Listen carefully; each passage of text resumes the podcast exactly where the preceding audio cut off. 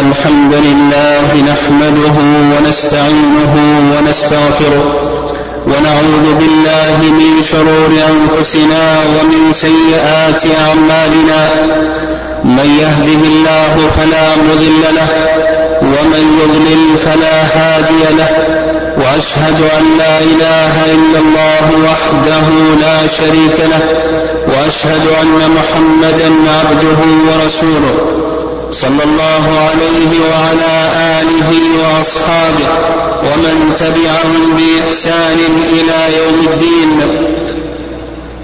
أما بعد فيا أيها الذين آمنوا اتقوا الله ولتنظر نفس ما قدمت لغد. واتقوا الله إن الله خبير بما تعملون. عباد الله في تاريخ الإسلام علماء ربانيون وأعلام عاملون وأئمة مهديون هم من هم من منة الله على هذه الأمة. قاموا بالإسلام وللإسلام يحيون بكتاب الله الموتى ويبصرون به أهل العمى ويرشدون من ضل منهم إلى الهدى. فكم من قتيل لإبليس قد أحيوه وكم من ضال قد هدوه يقتبسون من نور الوحي ويسيرون على مشكاة النبوة. فكم نفع الله بهم من البلاد وكم هدى الله بهم من العباد. يتجردون من ذواتهم ويعيشون لغيرهم يفتون السائل ويعلمون الجاهل وينصحون الغافل ويتحملون في ذات الله ما يصيبهم من المصائب والمحن بهم تحيا السنن وبجهودهم تقمع البدع وبصدقهم وإخلاصهم يقوى جانب الأمر بالمعروف ويعتز الآمرون وبتجردهم يوهى جانب المنكر ويذل المبطلون بهم لا يلتبس الحق بالباطل ولا يستوي الأخيار مع الأشرار ولا تروج بضاعة النفاق. هم حراس الأمة وهم, صم وهم صمام الأمان إذا أحدقت بالأمة الخطوب وتناوشتها الأخطار. هم النجوم تضيء إذا تاه الدليل أو تغيرت معالم الطريق.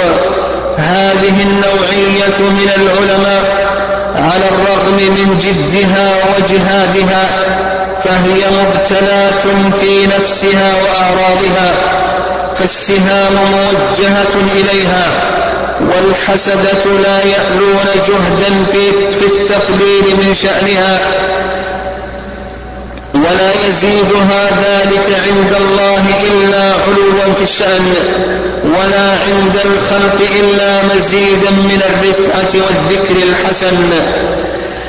وسبق أن تكلمنا عن إمام من أئمة الإسلام هو الإمام أحمد بن حنبل رحمه الله تعالى.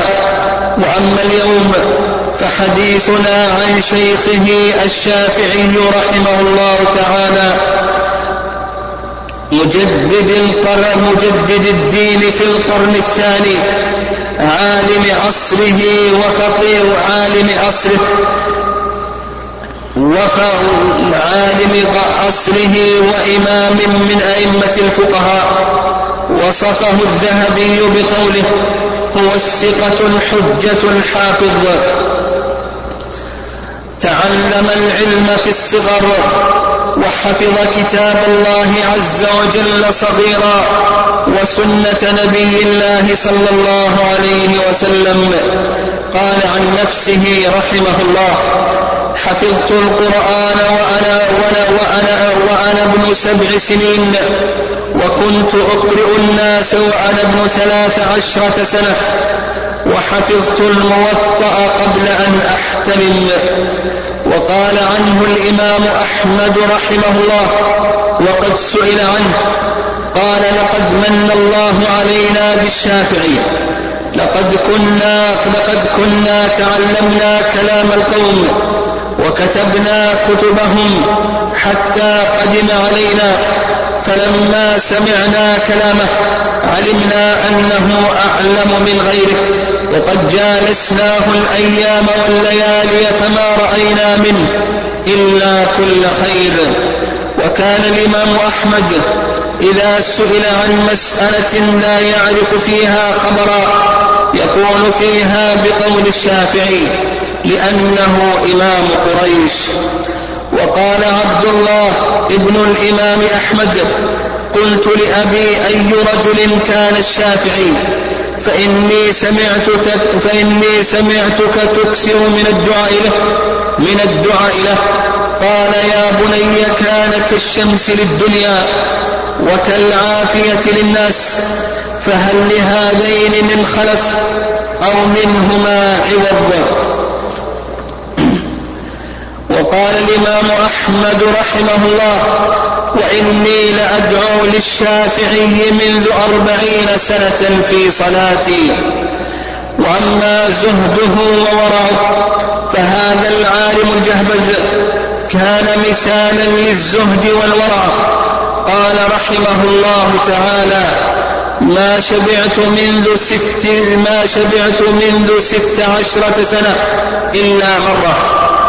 إلا مرة فأدخلت يدي فتقيأتها وذلك لأن الشبع يثقل البدن ويؤسي القلب ويزيد الفتنة ويزيل الفتنة ويجلب النوم ويضعف عن العبادة. وأما عبادته رحمه الله فهو نموذج يحتذى به في العبادة. واستثمار الوقت فيما ينفع وقد نقل عنه أنه كان يجزئ أنه كان يجزئ الليل أثلاثا فثلثه الأول يكتب والثاني يصلي والثالث ينام. فإذا كان هذا شأنه في الليل فلا تسأل عن عبادته وحديثه في الطلب في النهار. وكان رحمه الله حريصا على طلب العلم ويحث على طلبه حتى قال طلب العلم أفضل من النافلة وأما تواضعه فكان يزينه التواضع والتجرد في طلب العلم وهو القائل إذا صح الحديث فهو مذهبي وقال إذا صح الحديث فاضربوا بقولي عرض الحائط وأما رجوعه إلى الحق فإذا تبينت له سنة النبي صلى الله عليه وسلم فإنه يرجع عن قوله الأول ولهذا كان له رحمه الله كان له قولان قول في العراق وقول في مصر. وقال رحمه الله ما كابرني أحد على الحق ودافع إلا سقط من عيني ولا قبله إلا هبته واعتقدت مودته. وقال رحمه الله ما ناظرني أحد إلا أحببت أن يوفق ويسدد وأما حسن ظنه بالمسلمين فمن كلامه إني لألتمس للرجل عذرا إلى سبعين عذر وأما إفتاؤه السائلين وحله للإشكالات فهو داعية خير وناصح أمين لكل متردد أو شاك متحير. وانظره كيف يجلي الصورة للسائل في وسوسة الإيمان ويقنعه بالحجة والبرهان. جاء المزني إلى الشافعي وهو يقول إن كان أحد يخرج ما في ضميري وما تعلق به خاطري من أمر التوحيد فالشافعي. وذلك أن المزني رحمه الله حصل له وسوسة في أمر العقيدة. قال المزني فصرت إلى الشافعي وهو في مسجد مصر فلما جثوت بين يديه قلت هجس في ضميري مسألة في التوحيد فعلمت أن أحدا لا يعلم علمك فما الذي عندك؟ فقال الشافعي رحمه الله أتدري أين أنت؟ قلت نعم. قال هذا الموضع الذي أغرق الله فيه فرعون. أبلغك أن رسول الله صلى الله عليه وسلم أمر بالسؤال عن ذلك. قلت لا. قال هل تعلم من الصحابة؟ قلت لا. قال تدري كم نجما في السماء؟ قلت لا. قال فكوكب منها تعرف جنسه طلوعه وأفوله مما خلق. قلت لا. قال فشيء تراه بعينك من الخلق لست تعرفه تتكلم في علم خالقه. ثم سألني عن مسألة في الوضوء فأخطأت فيها ففرعها على أربعة أوجه فلم أصب في شيء منها فقال شيء تحتاج إليه في اليوم خمس مرات تدع علمه وتتكلف علم الخالق.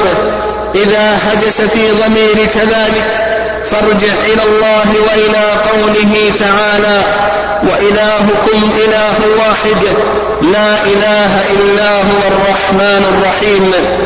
فلا تتكلف علم ما لم يبلغه عقلك. قال فتبت.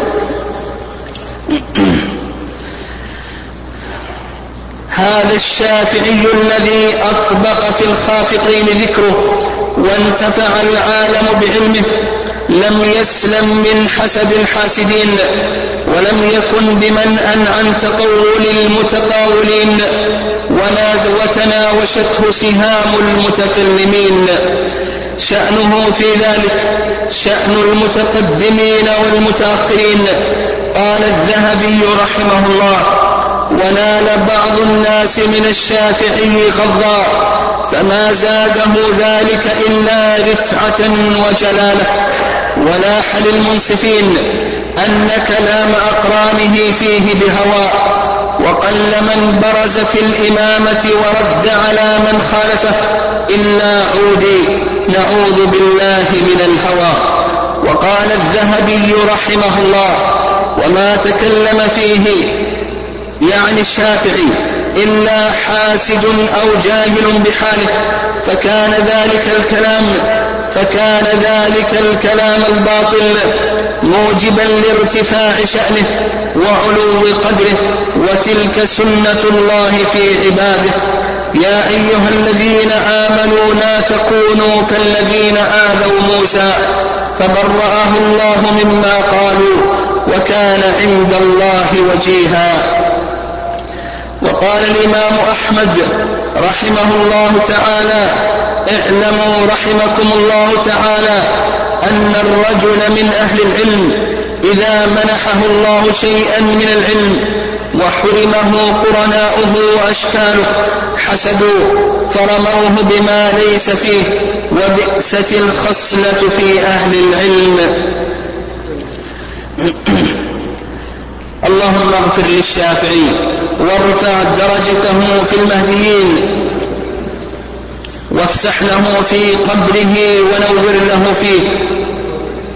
والحق والحقه بسالف صلاح والحقه بسالف صلاح المسلمين. يا ذا الجلال والإكرام. أقول ما سمعتم وأستغفر الله لي ولكم من كل ذنب. فاستغفروه إنه هو الغفور الرحيم. الحمد لله رب العالمين وأشهد أن لا إله إلا الله الملك الحق المبين من على المسلمين بأئمة هداة مهدي مهديين وعلماء صادقين عاملين وأشهد أن لا وأشهد أن نبينا محمدا عبده ورسوله. الذي أكمل الله به الدين وأرسله رحمة للعالمين. عباد الله إن الأمة إذا لم تعتز بماضيها وسير علمائها ولم تفد من تاريخها وأمجاد سلفها ضيعت حاضرها ومستقبلها وتخبط أجيالها وسير سلفنا سموع على طريق العلم والدعوة والإصلاح. بهم يستفاد في تصحيح المسار وتوجيه المسيرة. ولقد ظل أقوام زهدوا بسير سلفهم والتفتوا يمنة ويسرة يخبطون في شتى المذاهب ويتذبذبون بين جديد المشارب. ولو ردوه إلى الله ولو ردوه إلى الرسول وإلى أولي الأمر منهم لعلمه الذين يستنبطونه منهم. ولولا فضل الله عليكم ورحمته لاتبعتم الشيطان إلا قليلا. الشافعي رحمه الله هذا العالم الذي ملأ الدنيا علما نافعا وذكرا طيبا. ونشر الله بجهوده الملة وحفظ به وأمثاله الفقه والسنة. ولا تزال, ولا تزال مدونات العلم تشهد بفضله وتخلد ذكره. وهو أول من ألف في علم أصول الفقه. وله كتب جليلة منها الرسالة ومنها كتاب الأم ومنها الإملاء وغير ذلك. ولم يزل كذلك مكبا على العلم تعلما وتعليما حتى إذا حانت منه ساعة الرحيل خاف الوعيد ورجا ربه العفو والتسديد دخل عليه المزني رحمه الله وهو في مرضه الذي مات فيه فقال يا أبا عبد الله كيف أصبحت؟ فرفع رأسه وقال أصبحت من الدنيا راحلا ولإخواني مفارقا وللسوء عملي ملاقيا وعلى الله والدا وما أدري روحي تصير إلى جنة فأهنيها أو إلى نار فأعزيها. ثم بكى وأنشأ يقول ولما قسى قلبي وضاقت مذاهبي جعلت رجائي دون عفوك سلما. تعاظمني ذنبي فلما قرنته بعفوك ربي كان عفوك أعظما فما زلت ذا عفو عن الذنب لم تزل. تجود وتعفو منة وتكرما. فإن تنتقم مني فلست بآيس ولو دخلت نفسي بجرمي جهنما وإني لآتي الذنب أعرف قدره وأعلم أن الله يعفو ترحما. اللهم عفوك ورحمتك وغفرانك.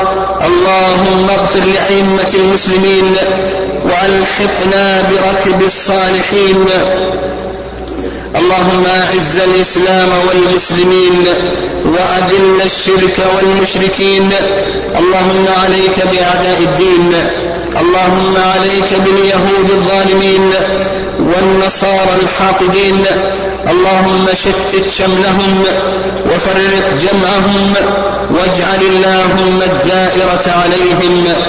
اللهم صل وسلم وبارك على نبينا محمد وارض اللهم عن صحابته أجمعين وأقص منهم الأئمة المهديين والخلفاء الراشدين أبا بكر وعمر وعثمان وعلي وعن بقية العشرة المبشرين وعن بقية صحابة نبيك أجمعين.